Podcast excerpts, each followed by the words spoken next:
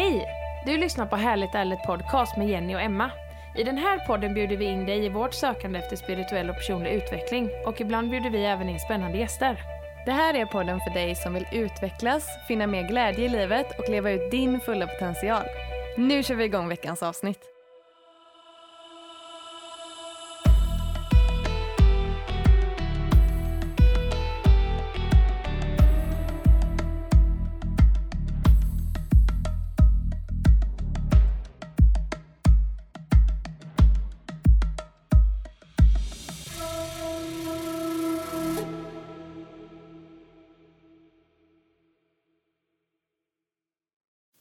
Hallå!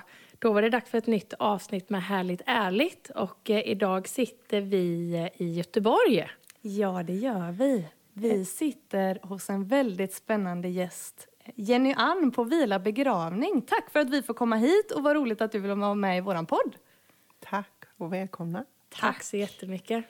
Eh, Jenny, kan inte du börja med att berätta lite hur eh, det kommer sig egentligen att vi hittade Jenny Ann? Jo. Och att vi är här? Ja, det var så himla fint. Jag har en eh, klasskompis som hon är i USA just nu men vi började skriva till varandra för ett litet tag sedan. Och då skrev hon till mig att eh, hon funderar på att utbilda sig till något som heter dödsdola. Och det hade jag aldrig hört talas om. Nej, och inte jag heller. Nej. Eh, och blev genast superintresserad. Men, men gud, vad är det här? Och det här vill vi veta mer om. Så berättade hon lite om vad det var. Eh, och så sa hon att om ni kan hitta någon som jobbar med det här så hade jag verkligen, verkligen uppskattat om ni kunde bjuda in den personen som gäst till er podd. Och så fann vi dig, Jenny i Göteborg. Det är helt otroligt. Det känns ju som att det bara var meningen. Tack. Ja. Spännande, jättespännande. Eh, eh, och eh, som alltid tacksam över att få, få berätta Mm. om, om vad det innebär och, och, och vad jag gör så att döden och döendet får ta den platsen som eh, den faktiskt bör få. Ja. Precis. Och det var så fint för du eh, föreslog ju att vi skulle komma hit och spela in för att vi skulle få den här fina känslan av att det känns som att man kommer hem. Och det är verkligen så. Ja. Och, För det är klart att det är inte många kanske som... eh, Alltså, är- det är ju inte vanligt att man går in på en begravningsbyrå om man inte alltså, har ärenden dit. nej, Eller så. Jag har aldrig varit på en begravningsbyrå tidigare till exempel. nej. Nej, inte jag heller. Nej, det är väldigt härligt här. Väldigt fin energi. Mm. Ja. Men det är ju garanterat fler än vi som inte visste eller vet då vad en dödsdola är och gör.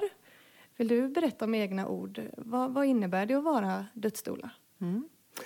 Ehm, om, som jag brukar säga då att i den perfekta dödsdola-världen så eh, får vi möjlighet att eh, möta en person som då eh, har fått besked om att, att de har obotlig sjukdom och att det liksom, tiden är utmätt. Och då är man fortfarande kanske någorlunda vad ska vi säga, pigg så att man kan göra lite planering. Och då kan det vara lite mer praktiskt, kanske lite juridiska dokument som ska fyllas i. Eh, och hur man tänker sig den här sista tiden. Eh, var man vill vara, hur man vill vårdas eh, och så vidare. Eh, och sen kan ju det då gå in i, i nästa skede när man då blir sjukare. Eh, och vi kan då vara på plats. Ehm, och vi är, och det är också viktigt att veta, vi är inte medicinskt utbildade och ska inte, alltså vi har hum om väldigt mycket av det här vad som, vad som sker och så, men det är inte det att, utan vi är länken då mellan kan man säga sjukvården, de palliativa vårdteamen till exempel, kan vara hemtjänst eh, och de närstående. Och jag säger gärna närstående så man liksom inte, det är inte alla som har just familj runt omkring sig som så. Nej, Eh. Men närstående det kan vara vänner eller vad man nu har runt omkring sig. Eh, då är man liksom den här länken emellan. Kan ta lite stötar, kan vara lite talesperson för den eh, döende då. Eh, och sen är det då mot slutet kanske personen inte då är eh, eh, eh, så mycket vid medvetande kan vara väldigt svårt för de närstående eh, att se och man är ovan och man ska egentligen inte behöva vårda om man inte vill. Men med vår hjälp och vi kan förklara lite vad som händer, varför det är si eller så, så kan man få vara på plats så som man önskar under den här tiden. Eh, när så personen har dött. Eh, och jag tänker ofta att man kanske är i hemmet för jag tycker att det är fint att, man ska, att vi ska våga vara mer i hemmiljö. Precis. Eh, sen finns det absolut jättefina, jag menar, kan vara äldreboende eller om det är på hospice, eh, sjukhus för den delen. Men just att kunna få vara hemma ser vi ju är kvalitativt på alla sätt. Eh, och eh, då ska man också veta att då är det ingen brådska. Det är det aldrig när någon har dött. För vi ska ju inte rädda livet. Nej, Nej. precis. Det är inget som är akut, vi ska inte sätta till någonting och då kan man få ta det lite lugnt och då får ju de runt omkring närstående också möjlighet att eh, ta, ett, ta ett avsked helt enkelt. Kanske vara med i de här förberedelserna, vad vi nu har bestämt innan med den döende såklart. Att, eh, hur ska jag uttrycka det, varsamt eh, ta hand om kroppen. Det vill säga, vi pratar inte om att fullständigt tvaga en kropp utan det kan vara mer en sorts eh, eh, ceremoniell, eh, kärleksfull handling. Att, att liksom eh, tvätta händerna, eh, smörja fötterna, smeka lite vid ansiktet. Om man tänker om det är en mamma eller någonting att mamma som har burit i sina händer, lagt barnet vid sin barm och så vidare. Ja. De här fötterna som har vandrat och hjälpt eh, eh, många människor på jorden och så vidare. Så att man liksom hittar den här eh, kopplingen. Mm. Eh, och klä. Eh, och sen eh, att då vald begravningsbyrå kanske kommer hem och hämtar i kista och man får vara med och verkligen göra den här lägga över i kistan. Mm. Och sen kan man ju då vara hjälp, till hjälp vid, vid eh, begravningsbestyren och även efteråt för de närstående så länge som de vill och behöver. Eh, så att det här är ju då, skulle jag ju säga, den perfekta. Det är liksom från början till slut för då har man ju också hunnit att lära känna varandra. Och då under tiden när vi faktiskt är med den döende så är det ju också att vi gör, det är mycket samtal. Mm. Vi kan hjälpa till med smärtlindring på så sätt att det är meditationsövningar. Eh, hitta sätt att liksom, eh, liksom påvisa och uppskatta livet som personen har levt. Precis. Eh, man kan behöva ibland höll jag nästan bikta sig. Mm. Och det vet vi också att det är svårt. att det, Hur nära man än är någon så kan det ibland vara skönt med någon som är utomstående, neutral ja. och som Ja. bara kan ta emot. Mm. För det är också viktigt utifrån vår roll att eh, vi har ett, liksom ett öppet och accepterande förhållningssätt. Mm. Eh, inget dömande, inget eh, pådyvla våra egna åsikter. Eh, och märker man att det finns liksom tyngre bekymmer eller man, man, man känner att vi behöver gå djupare så kan vi ju då också vara liksom lite den här organisatören om man behöver just en terapeut. Man kanske behöver, man har religiösa grubblerier, eh, verkligen vill tala med en präst. Mm. Man kanske vill få sista smörjelsen. Eh, men att vi liksom kan, kan bära de här samtalen. Och Det kan vara allt ifrån att det är allvarligt. Eh, någon kan känna att de vill eh, få förlåtelse. Mm. Eh, till att det kan ju bli väldigt lättsamt också. Så att det, det, det, det blir ju väldigt... Och det glömmer man kanske att man lever tills man dör. Det Precis. vill säga, du är döende men du har inte dött. Nej. Därför kan du ju i detta sjuka tillstånd fortfarande göra saker som du tycker om. Ja. Och då får vi försöka se till att göra det. Eh, och är man så pass att man orkar om det skulle vara en konsert eller gå på restaurang, då gör vi ju det. Men om du inte kan det, då kanske vi kan ta in det i ditt hem, där du är i sängen.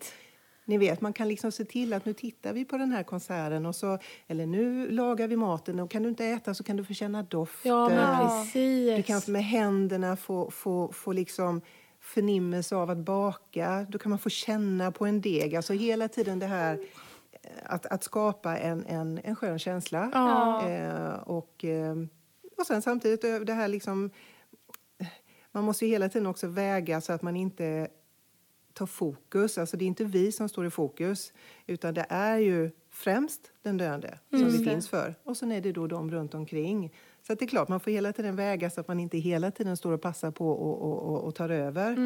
Eh, men där är liksom lite olika. Sen, sen märker jag ju att eh, jag istället ofta kommer in på punkt, punktvis.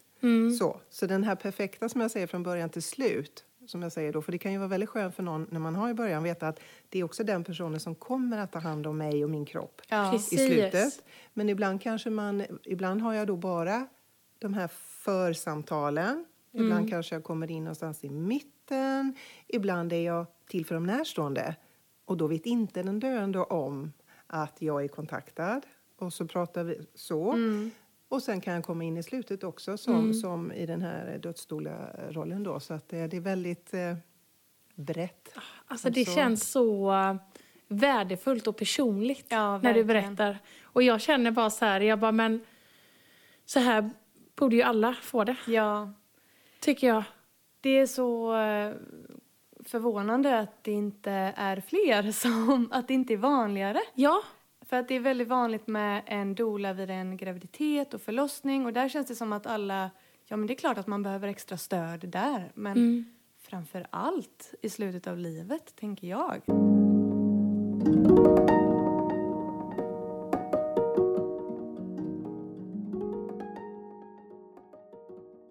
Men då undrar vi, hur kom du fram till att du ville utbilda dig till det här?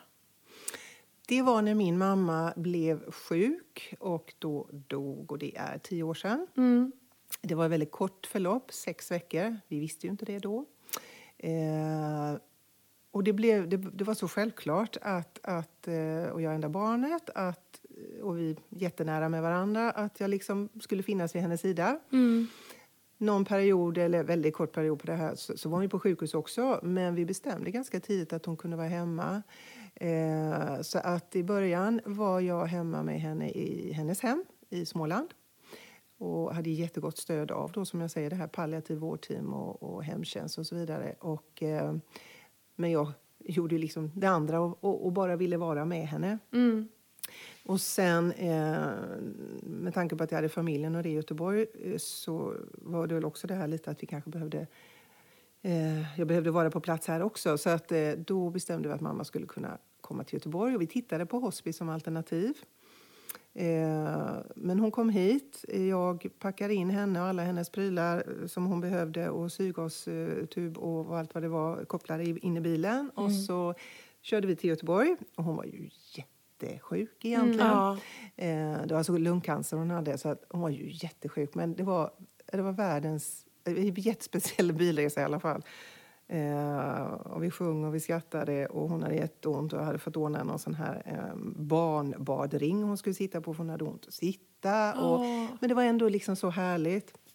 Och så kom vi, kom vi fram då till Göteborg och så gjorde hon liksom ett sån här sista kraftantag för att springa upp för trappan. Och, för där var ju barnbarnet som hon hade längtat efter då. Så att eh, vi installerade henne, gjorde om vår matsal.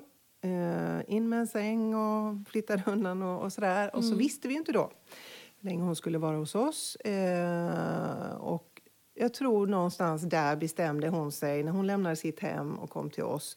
Det var som hon lämnade över sig till mig. Mm. Och då gav hon också upp lite, så att hon blev snabbt sämre. Mm. Eh, och sen då mot slutet av veckan så gick hon in i någon sorts eh, komatillstånd. Mm. Eh, och eh, då dog hon också hemma hos oss en, en, en fredag morgon. Vi kom på en lördag, hon dog på fredag morgonen. Eh, och det palliativa vårdteamet hade precis varit där. Jag satt ju hela, det var alla dagarna ända, liksom passade på henne Mm. och på nätterna och sådär. Mm. Eh, men det kändes så, det kändes så naturligt också. Ja. Mm. Det, det, det, bara, det bara skedde, eh, även om det inte var planerat. Eh, och då inför dödsögonblicket, vilket jag förstod att det var. Och det var också så där, jag tror jag sagt vid något tidigare tillfälle, att det var liksom det, det här som jag kände när jag födde min dotter. Mm. Lika naturligt blev det att göra det här. Det var som kroppen bara tog över. Ja. Och så talade jag henne in i döden och ingen rädsla, kände inget liksom att det var något läskigt eller så. Nej. Eh, och, och väldigt stillsamt och fint. Sen vill jag ändå säga, det är inte alltid så här döden ser ut. Nej. Så, så det ska man också komma ihåg så, Ja, att, inte jag, så att jag sitter och förskönar och tänker, oh, så. För så är det inte heller. Det kan vara väldigt stökigt. Mm. Man kan bli väldigt förändrad av både sjukdom, mediciner, kan bli arg, ledsen. Jag tänker med de som är, är dementa Mm. är en problemställning eh, att, att liksom ta i. Och eh, det kan också vara, jag ska säga, inte så vackert. Eh, man förändras ju, eller hur? Ja. Utseende. Och om vi nu ska vara riktigt ärliga, dofter.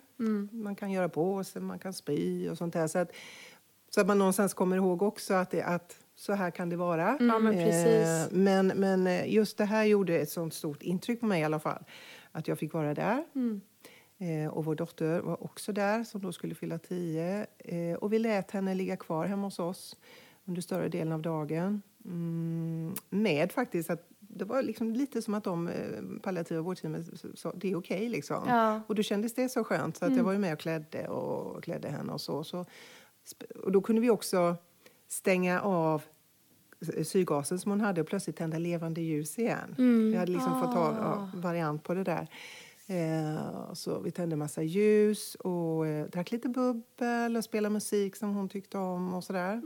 Men gud vad starkt. Så det var helt otroligt. Och sen hämtade de henne. Och sen, samtidigt som jag kraschade så blev jag jättehög. Ja. Och det här har jag uttryckt på flera ställen, men det är sant. Ja. Jag blev hög på döden. Det var liksom bara, "Åh, jag måste dela det här, jag måste dela det här med alla, hela världen. Ja. Eh, så att jag började med att ringa runt till vännerna, hennes och, och mina och det här och berätta liksom från början till slut, allting.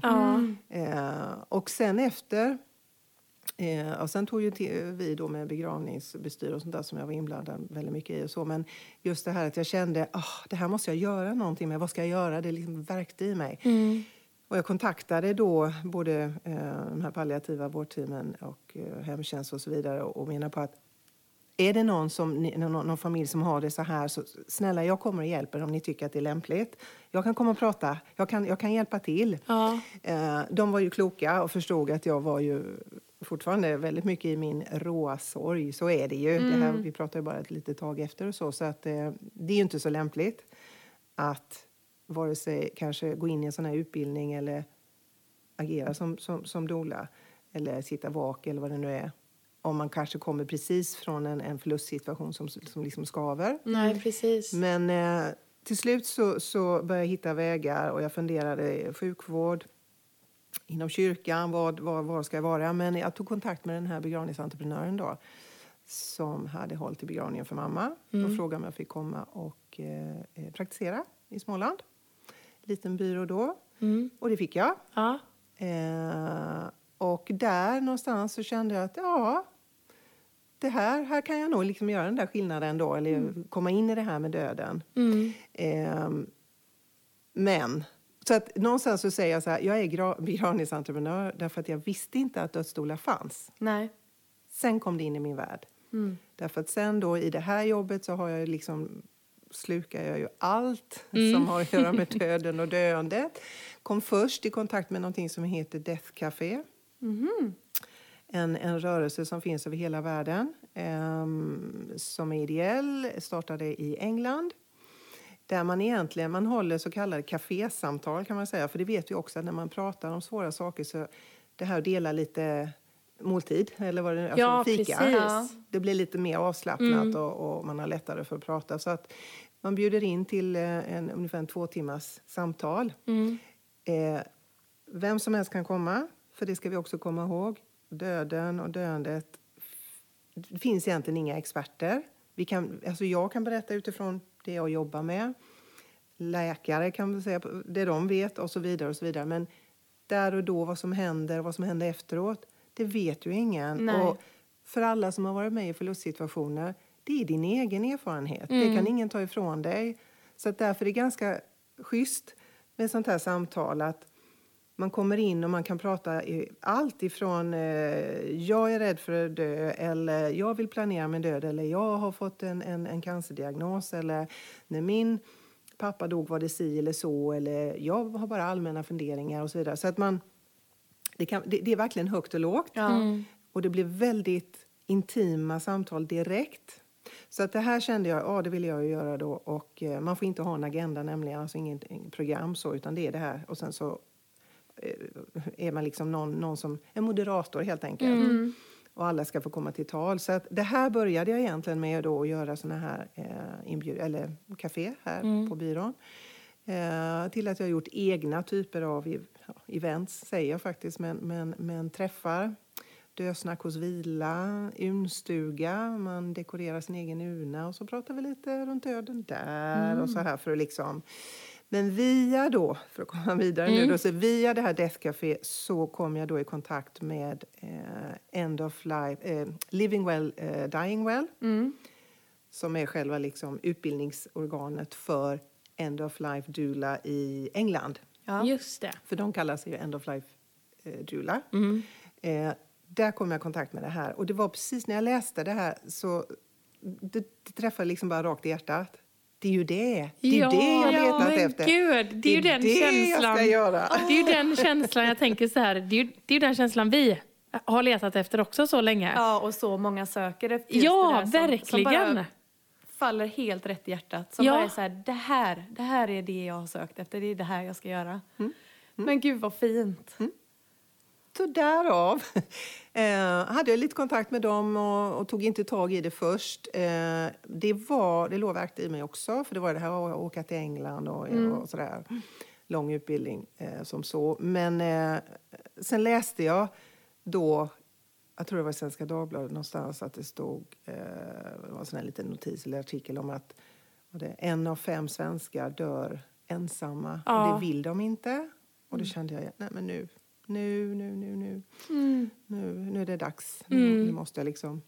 Och jag hade ju redan, kan man ju säga, jobbat som en doula fast jag inte visste det. Därför att jag har de här samtalen. Jag har ju många som kommer hit och faktiskt vet att de ska dö. Och de vill planera. Och då blir det de här samtalen och sen följer jag ju dem fram till och sen tar jag hand om dem då efteråt. Ja. Så att, eh, det fanns ju redan där och nu kunde jag då liksom få någon sorts ordentlig ja, namn på det eller vad man nu ska kalla det. Så att, eh, då utbildade jag mig till det i England. Mm. Ja. Jag det- blir helt varm när Ja, det blir jag om det med verkligen. Men varför tror du att vi är så rädda för döden? Ja, i Sverige är det nog... eh, Det, vi har ju kommit ifrån det så pass. Jag tänker lite så här... Man kan jämföra lite med andra kulturer där det fortfarande är väldigt naturligt. Eh, man eh, lever kanske i generationsboende. Därav blir man sjuk, tar hand om de sjuka och så dör de och sen eh, ställer alla upp runt omkring. Eh, vi har ju också haft det i Sverige, den kulturen. Eh, jag menar, man pratar om, du vet, ja, där ligger virket på torkvinden, det ska jag ha till min kista. Eh, alla känner alla. Vi hade likvakor eh, och så vidare och så vidare. Men det är klart, sen när samhället växer, vi flyttar ifrån liksom de här på landet och så kommer längre ifrån och så hela tiden så kommer vi ju längre ifrån och då blir det lite så som jag ser det här i alla fall att det ligger ju inte i vår den kulturen eller om man nu skulle titta på vår religionstillhörighet att, att det, det är inte det blir inte så naturligt och man hamnar på sjukhus och, och, och, och, och, det blir bra. Och att liksom tänka att man skulle kunna ta, ta det ifrån sjukhuset, att du kan ta hem. Det, det, vi vill gärna liksom slå ifrån och tycker att det där får någon annan göra. Och vi ska ju vara produktiva känns det lite som Ja, också i Sverige, eller hur? Barn och gamla, mm, de tjänar inte så mycket pengar. Det, så, och, då, och, då, och då blir det liksom, ja, men vi, vi, eh, vi, vi, vi skjutsar över det på någon annan. Och när vi börjar liksom putta bort det, ja det är klart att då blir vi ju, då, då är vi ju inte nära det längre. Vi Nej. pratar inte om det och jag kan tycka, vad konstigt att vi inte har det här som ett ämne i skolorna. Verkligen. Ja, Att inte skolan bakom mig Ja. har frågat om de får komma hit. ja. Ja, men precis. Ja, men bara så här, Jätteförvånad. ja, för det är ju ändå så, det vet jag att jag sa innan med, men det är ju ändå det vi alla har gemensamt. Det spelar ju ingen roll om du liksom är stormrik, urfattig, så är det ändå en grej ni har Ja. gemensamt. Att ni, man, man vandrar liksom mot samma öde, Precis. som är döden. Ja. Så det är så här, att vi inte pratar om det mer, det är, Nej. det är jättekonstigt. ja, det är det. Det är det. Och det är därför det blir så läskigt. Mm. Vi vet ju inte, alltså vi, vi vet ju inte att vi ska födas, men vi vet vad vi ska dö. För lever vi så Precis. ska vi dö. Ja. Och då vill vi inte liksom... För det, och det är, inte så, det är ju inte så fint heller om man tänker till. Jag, jag brukar jämföra det här med när, när, när ett barn föds. Och det är helt fantastiskt. Jag vill inte ta bort det. Och det här vi firar och det är vågen och sådär. Va? Men om man tittar lite på ett litet barn som föds har ju inte hunnit göra några avtryck. Nej. Nej. Eller hur? Nej. Vare sig i den närmsta kretsen, längre ut eller i samhället. Precis. Det är hemskt att förlora barn. Det är inte män. Men om du tänker en, en person som dör. De flesta har ju ändå hunnit leva några år. Mm. Eh, och framförallt om det är de äldre. Men tänk vad de har bidragit med. Ja. Alltså familjen, släkt, vänner, arbetsplats, samhället. Ja. Så ska vi ändå liksom... Nej, det är inte så viktigt. Men tjohej, det föds någon. Mm. Alltså, det borde vara samma, liksom, om inte mer, när någon Verkligen. dör som har ja, gjort så mycket för Ja. många. Ja. Där fick du ändå mig att tänka ett helt nytt perspektiv. Ja. Verkligen. Det borde ju ändå vara att man firar, alltså någonstans där. För det känns som att när man föds så firar man livet. Men när man dör så borde man ändå fira livet som har varit. ja, precis. Helt rätt. Ja. Det är så här, man bara va? Hallå, vad Ja. håller vi på med? Ja, precis. Ja. Åh, nej gud, det här är, man blir helt, det bara snurrar mer och mer. Det är så fint att kunna sitta så här och prata om det så här. Och jag tror att det kommer landa så fint hos så många som lyssnar på det här. Ja. Det, det kommer eh, så många frön och, och sätta nya tankebanor. Det tror jag verkligen. Mm.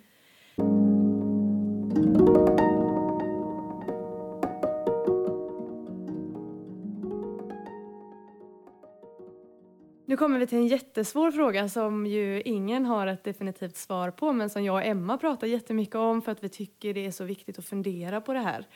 Och då undrar vi, eh, vad tror du händer efter att vi dör?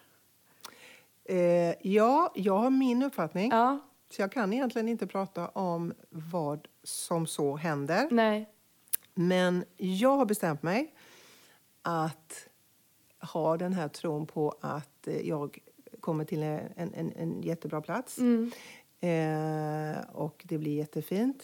Eh, och jag är inte rädd.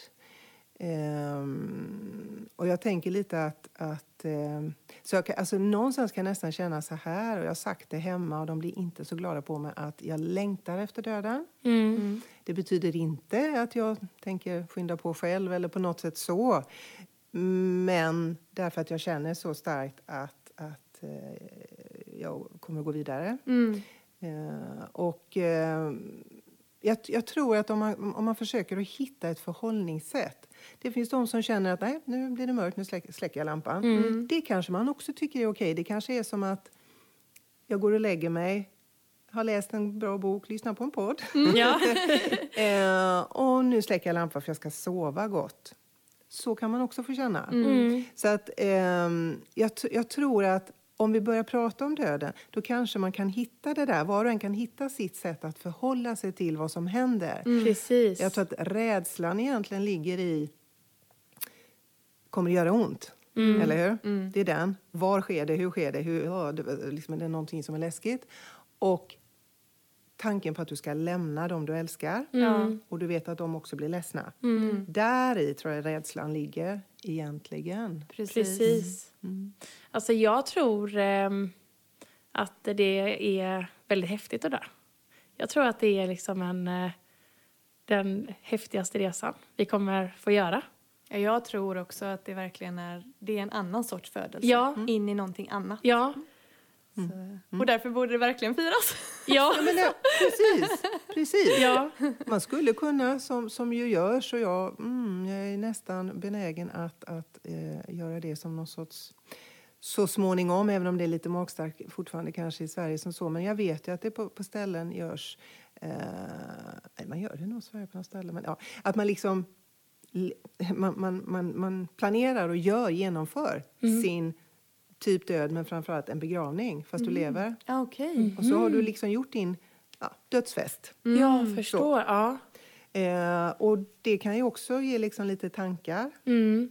Att faktiskt eh, eh, tänka till på de där frågorna. Alltså det som man har i de här dokumenten, eh, så som jag har då.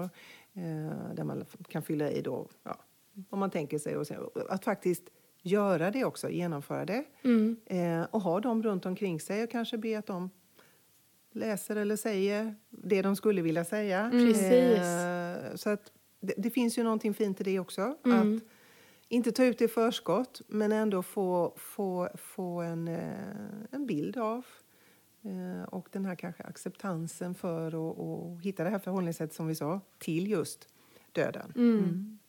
Verkligen. Jag har bara så här en... Jag är bara nyfiken. Ser du någon sån här... Alltså, för jag förstår att du har ändå varit med vid väldigt alltså, många människor när de tar sitt sista andetag. Är det någon sån här grej du ändå kan se som är så här återkommande? Eller att så här... Ah, gud, ska jag förklara det? Har de sagt någonting? Alltså vid sista andetaget, typ åh gud, mamma eller eh, åh jag ser ljuset eller, eller så här, om det är någonting som ändå är som har hänt flera gånger. Nej, egentligen inte. Jag tycker nog att det är ganska olika. Ja. Eh, och det kan skifta allt ifrån att det är lugnt och bara en sorts sista... Alltså det här, just det här när andningen blir så lätt så att den nästan inte är där. Mm. Eh, och jag tänker, nu tänker jag snabbt tillbaka och, och tycker att jag kan få lov att prata om mamma då så att jag inte... Eh, som lite nästan gulpa, som en, som en fisk. Är liksom sista. Men ändå väldigt tyst. Eh, men det kan ju också vara ångestfyllt. Eh, kan ju vara så att man hallucinerar och det är ju ofta medicinering, mycket, mycket morfin. Eh, däremot, vad jag upplever själv och eh, har, hör, hör, får höra berättas av, av då närstående att det oftast är någon liten detalj som händer i det där ögonblicket. Ja. Det kom en fågel och satte sig på, vid, vid fönstret eller det flög in en fjäril plötsligt och ville inte åka ut eller det kom en vindpust eller solen sken in direkt. Eller, alltså sådana där små detaljer. Ehm, och sen kan det ju vara så att man egentligen letar efter sådana detaljer för man behöver det och hänga fast vid. Men det är också okej. Ja. För då säger jag också att allt som tröstar är bra. Som, så om man tror att det var ett tecken eller att det var något som var speciellt, fantastiskt. Bara om- omfamna det. Så det, det är snarare där som jag känner att det finns eh, någon form av likhet. Vad fint. Ehm, öppnade du fönstret när din mamma dog? Ja, jag gjorde det. Ja. Ja. För det var en sån grej som eh, när när morfar gick bort så var jag ju, jag var inte med just när han dog men jag åkte dit. Så jag fick ändå träffa honom en sista gång eller så. Eh, och då hade mormor öppnat lite på glänt och då sa hon det, hon bara jo men det gör man när någon dör, det är för att själen ska flyga ut. Och det var så här, jag bara jaha. Jag var 30 när jag fick reda på det, men tack mormor. Nu vet jag. Det är så fint. Är det en vanlig grej att man gör? Ja, det är det faktiskt. Ja. Och, ni, och när jag gjorde det, då, det visste inte jag egentligen. Nej? Jag gjorde det instinktivt. Ingen aning egentligen. Men, men eh, eh, det, det är många som gör det, absolut. Ja. Och det är oftast då som det har kommit till exempel en fågel. Precis, och det är roligt att du säger Ja. det här. För att när jag kommer dit då så säger min moster, hon bara, "Åh, nej det är ju en, satt ju en duva här utanför. Ja. En ensam duva. Och det var så här, ja, nej, men det var ju morfar. Det var det. Och så just det ja, så det var så fint med för då hade vi haft begravning och så åkte vi hem till min moster efteråt. Och då, um, min morfar var så han älskade trädgård. Blommor och höll på liksom med buskar och grejer och sånt. Och då var det en, eh, en speciell eh, blombuske. Så när de sålde sitt hus då när morfar blev sjuk så grävde min moster upp denna och planterade hemma hos sig. Och nu efter begravningen när vi hade så här, ja, men en liten begravningsceremoni efteråt då, eller vad säger man? Ja. Eh, då var det en, ett blad kvar. Och då var det också så där att det är ju, det var, det är morfar. Ja. Vad fint. Ja, det är jättefint. Ja, men det är verkligen. Det är bara liksom att omfamna det och se det som en tröst. Fjädrar pratar många om. Ja, Jag såg en fjäder, just vita fjädrar kan det vara, eller den kom. Och det är också lite det här att, ja, så att absolut, tolka in vad man vill tycker jag bara är, är sunt. verkligen. Men vad, vad upplever du att eh, man ångrar på sin dödsbädd? Ja, och det här finns ju också tror jag någon sorts statistik på, men det är ju alltid relationer. Det är inte vad vi alltså, har eh, åstadkommit, men jag menar, nej. Och, eller vad man har eller inte har, utan det är ju och redan när man blir sjuk, svårt sjuk och vet då liksom att det inte finns nå- något annat än döden, då, då, då eh, det är liksom plötsligt bara det viktigaste. Det, är- Ja. det är liksom relationerna. Mm. Vad, vad, är det något, någon som man har gjort orätt eller är det någonting som man i det sista bara vill säga, något kärleksfullt eller så? Så att absolut relationer. Mm. Ja. Vilka är det som söker sig till dig? Är det överrepresenterat äldre eller är det mm, de som har fått en obotlig sjukdom tidigare? Är det, eller är det helt alla?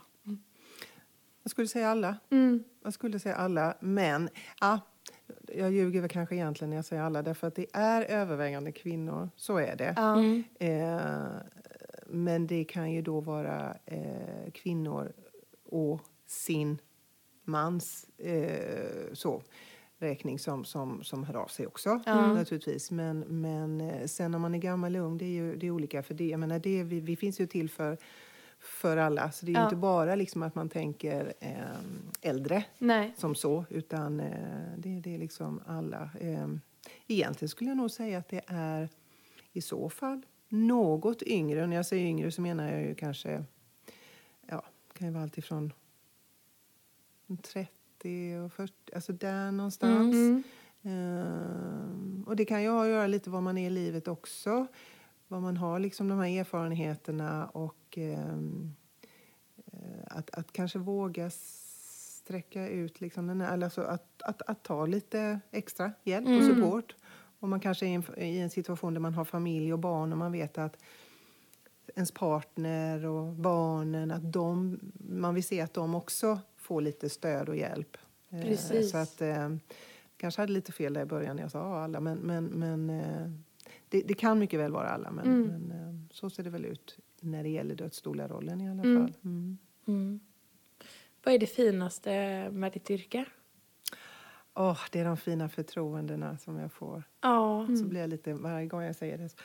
Men jag tycker det är helt fantastiskt. Alltså om jag på begravningsbyrån får det här fina förtroendet när någon Mm. kommer eh, och vill liksom överlämna sin avlidna så är det jättefint. Men när någon kommer innan vill att jag ska liksom vara där. Alltså, oh, ja. Helt fantastiskt faktiskt. Helt Jag förstår fantastiskt. det. Och liv, alltså det de berättar, alltså få höra alltså fantastiska livsberättelser. Ja. Alltså fantastiska kan ju också vara väldigt ledsamma och, och alltså, finns så också. Mm. Men det är ju ändå en livsberättelse Ja. som är viktig att ta vara på, ta, ta den till sig. Så att, Mm. ja, förtroenden och, och de, liksom de här um, livshistorierna. Mm. Så fint. För någonstans där som du säger, det här med livshistorier, att alla, jag tror alla ändå har ett behov av att uttrycka sig. Ja. Alltså så här, vad man har varit med om och så här, vad som har varit fint och vad som har varit jobbigt. Och så där. Det vet man ju bara själv. att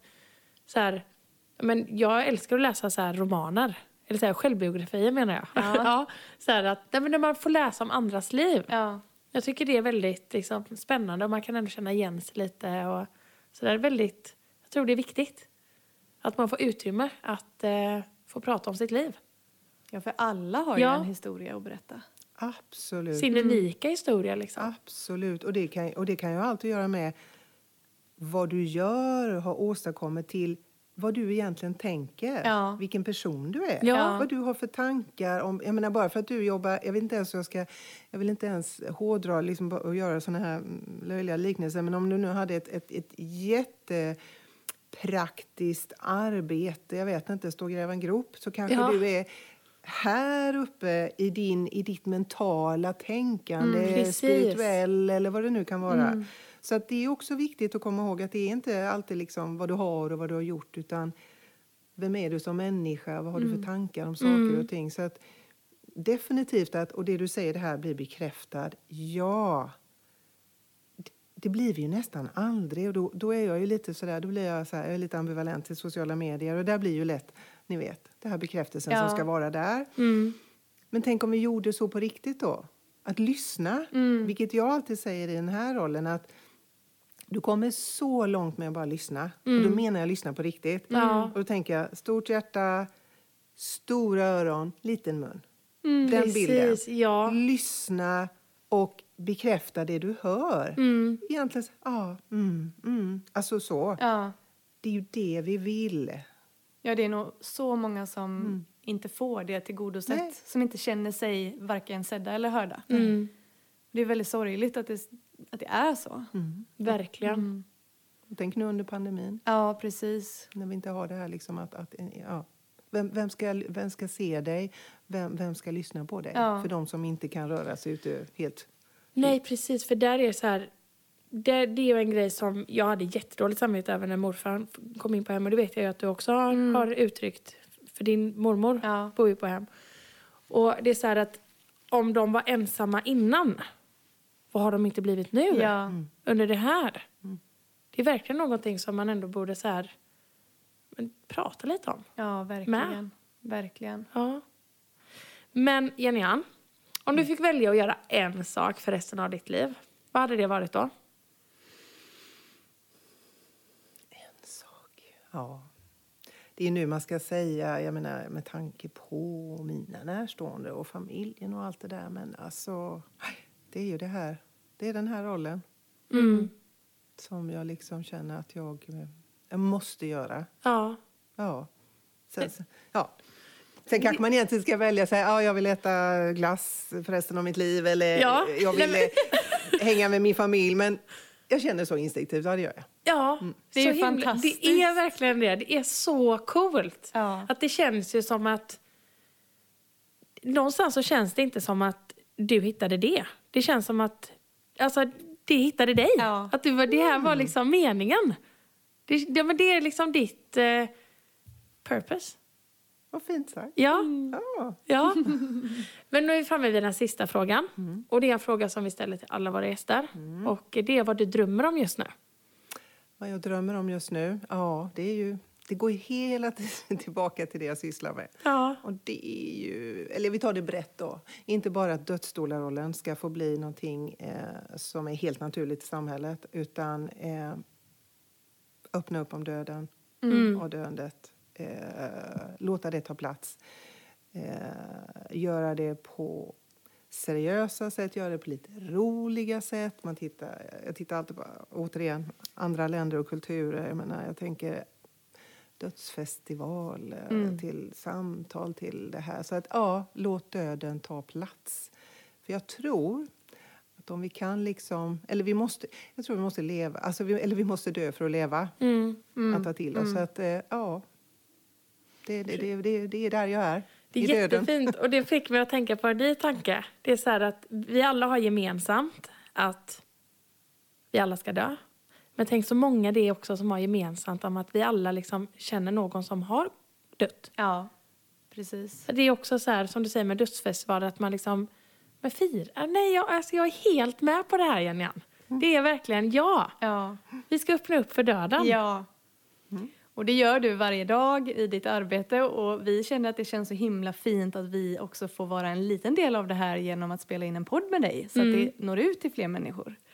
Så tack så hemskt, hemskt mycket för att eh, du ville vara med och göra det här avsnittet så att vi fick prata om det här. Tack snälla att ni ville. Jag är så tacksam när man vill och vågar, Mm. som ni har gjort. Så att, eh, bra av er också. Tack snälla. Tack. Tack. Nu tänker jag att eh, det kanske är någon som lyssnar som känner ett eh, behov eller så här att, att vilja kontakta dig. Mm. Hur gör man då? Eh, nu, nu är det ju så att eh, ja, det finns ju då min hemsida för begravningsbyrån, eh, vilabegravning.se. Eh, och eh, ganska nyligen också en, en hemsida för just dödsdolan.se. Eh, där man också kan läsa mer om just den rollen och att eh, det faktiskt kommer att bli utbildningar Just det. som jag ska hålla i. Ja. Eh, så att eh, det, det finns de två sätten och då finns det alla kontaktuppgifter där. Så att eh, självklart är man välkommen att höra av sig. Mm. Perfekt. Tack så Tack mycket så Jenna. Tack. Och tack till alla er som har lyssnat. Ni finner oss som vanligt på Harligt Arligt Podcast på Instagram. Och vi tackar, ja, vi tackar så hemskt mycket. Jag känner bara, gud, tack, tack, tack. Ja, jag, jag känner mig helt. Ja. Wow! Vi hörs igen om en vecka, godingar. Det gör vi. Puss och kram. Hej då! Hej då!